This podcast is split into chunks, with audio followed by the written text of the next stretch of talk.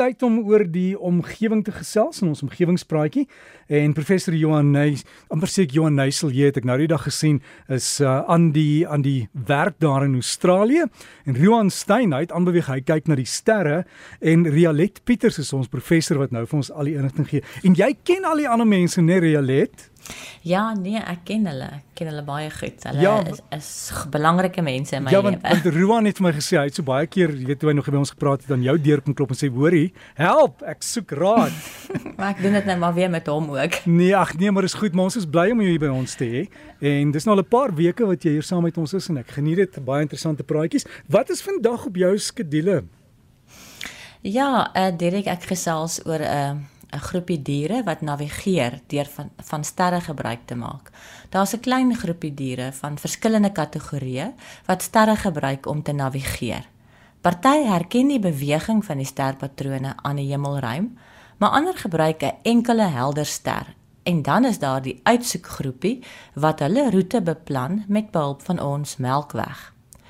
Diere, van miskryers tot robbe, migreer omdat hulle op soek is na kos of om maats te vind. Dus doen hulle dit uiteindelik ter wille van oorlewing. Maar diere gebruik ook landmerke, die posisie van die maan, windrigting en die aarde se magnetiese veld om rigting te bepaal. Die potensiële probleem waarmee diere wat sterre vir navigasie gebruik te kampe kan hê, is ligbesoedeling te veel kunsmatige lig van straatlampe, neonlig advertensieborde en uitgeboue van veral stede kan daartoe lei dat diere wat sterre gebruik letterlik die spoorbuiste raak as hulle nie die sterre kan sien nie. Die indigo bunting, soos die Amerikaners na die klein blou saadvretende sangvoeltjie van Noord-Amerika verwys, die spesiesnaam is Passerina ceania, vlieg in herfsmaande, dis nou die herfs vir die noordelike halfrond, suid vir die winter, maar doen dit hoofsaaklik snags. Hulle oriënteer hulle self na aanleiding van die helderste ster wat sigbaar is in die noordelike halfrond, Polaris of die Noordster. 'n Klompie van hulle is in die herfs gevang en na 'n planetarium in Michigan geneem waar hulle in spesiale koutjies aangehou is. Die voeltjies het die gewoonte om voordat hulle opstyg van die grond af eers so 'n paar kort hoppe te gee, maar spesifiek in die rigting waarheen hulle gaan vlieg. Dus hulle sou eers 'n paar kort treetjies in die suidelike rigting hop en dan opstyg en verder suid vlieg. Die voeltjies in die planetarium eksperiment hoef dus nie te gevlieg het vir die navorsers om te weet in watter rigting hulle sou vertrek nie. Die navorsers moes maar net oplet in watter rigting die voeltjies hop. Die planetarium het die sterre wat mense in die noordelike halfrond in hulle herfs sou sien, vertoon, soos wat die planetarium naghemel om die noorderster roteer, hop die voeltjie suid. Eers toe die navorsers die sterre binne 'n radius van 35 grade rondom die noordster verdoof het, het die voeltjies gedisoriënteer geraak. Dit het bewys dat hulle eintlik um, na die rigting na die patroon oplet van sterre rondom die helder noorderster. En toe die voeltjies dit nie meer kon sien nie, het hulle nie meer geweet waar suid is nie. Hierdie studie is reeds in 1967 deur Steven Emlyn gepubliseer.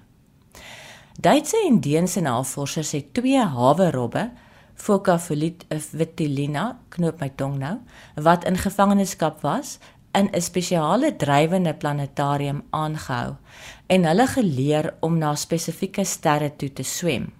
Die navorsers het 'n koepel gebou met gaatjies in wat bo oor die robbe se swembad gehang is. Daar was gate in die koepel waardeur ligte geskyn het. Dit het dan die sterre verteenwoordig. Al die sterre in die drywende planetarium was ewe helder. Die afrigter van die robbe het hulle eers geleer watter ster om dop te hou deur een van die sterre met 'n infrarooi laserliggie aan te dui. Die ster was nie noodwendig direk op die horison waar die swembad en die koepel ontmoet nie. As die robbe in die regte rigting koers kies en die wand van die koepel raak reg onder die ster, is hulle beloon. Hoe akkurater hulle was, hoe groter die beloning. Daar was twee robbe, Nick en Malte. Malte kon teen die 14de keer van die 30 toetslopies met 100% akkuraatheid die regte rigting aandui en Nick kon dit binne 11 kere regkry. Hierdie studie het bewys dat marine soogdiere die vermoë het om met behulp van sterre hulle rigting op die oop see te help bepaal, veral as landmerke nie meer sigbaar is nie. Die akkuraatheid van die rigting is natuurlik groter as die rob die ster kies wanneer dit nader aan die horison is, soos net na sononder. In teenstelling met die afstande wat migrerende voëls en rondreisende robbe aflê, is die afstand wat miskryers met hulle bolletjie mis aflê heelwat korter. Al wat die miskryer moet doen, is om so gou as moontlik by vars hoop mis 'n bolletjie af te knyp en daarmee weg te rol voordat ander miskryers dit van hom kan afneem. Hulle gaan begrawe dit dan. En insekoë funksioneer anders as die van voëls en robbe. Robbe en voëls kan 'n individuele ster waarneem, maar die saamgestelde oog van die insek veroorsaak dat dit nie tussen individuele sterre se ligpuntjies kan onderskei nie. Hulle sien wel iets soos die Melkweg wat uit duisende digte sterre bestaan raak as 'n enkele ligband. Navorsers van die Lund Universiteit in Swede en van die Universiteit van die Witwatersrand het in 2013 'n artikel in die wetenskapjoernaal Current Biology die lig laat sien. Hulle het bewys dat die Afrika miskryer Scarabaeus satirus, ook vandag bekend sy naam het verander as Escarabaeus nie net die son, die maan en die ruimtelike polarisasiepatroon gebruik om hulle bolletjies in reguit paadjies weg van die groot mishoop te rol nie. Hulle gebruik ook die melkweg op maanliglose aande. Hulle het die, die navorsers het die eksperimente in die Johannesburgse planetarium uitgevoer en het die Suid-Afrikaanse naghemel nageboots. Maanligaande en maanliglose aande is nageboots en ook bewolkte nagte. Die miskryers is losgelaat in die middel van 'n ronde terrarium omring met 'n swart gordyn. Daar was geen ander voorwerpe binne in die terrarium wat die insekte as rigtingwysers kon gebruik nie. Die tyd wat dit neem vir die miskryer om hulle bolletjie mis oor die grens van die terrarium te stoot, is gebruik as aanduiding van hoe reguit die pad is wat die insekte van die middel afstoot.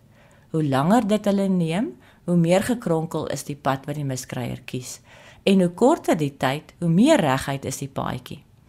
Die navorsers het seker gemaak dat die miskryers beslis met behulp van die melkweg se lig navigeer deur in een van die eksperimente vir die miskryers papierhoetjies te monteer wat keer dat hulle enigsins boontoe kan sien. Hulle kon net vorentoe en afkyk. Wanneer die maan en die melkweg sigbaar was, het die miskryers die minste tyd gebruik om die bolletjies oor die rand te stoot en wanneer die maan afwesig was, en net die melkweg sigbaar, het dit klein bietjie stadiger gegaan, maar nie veel nie.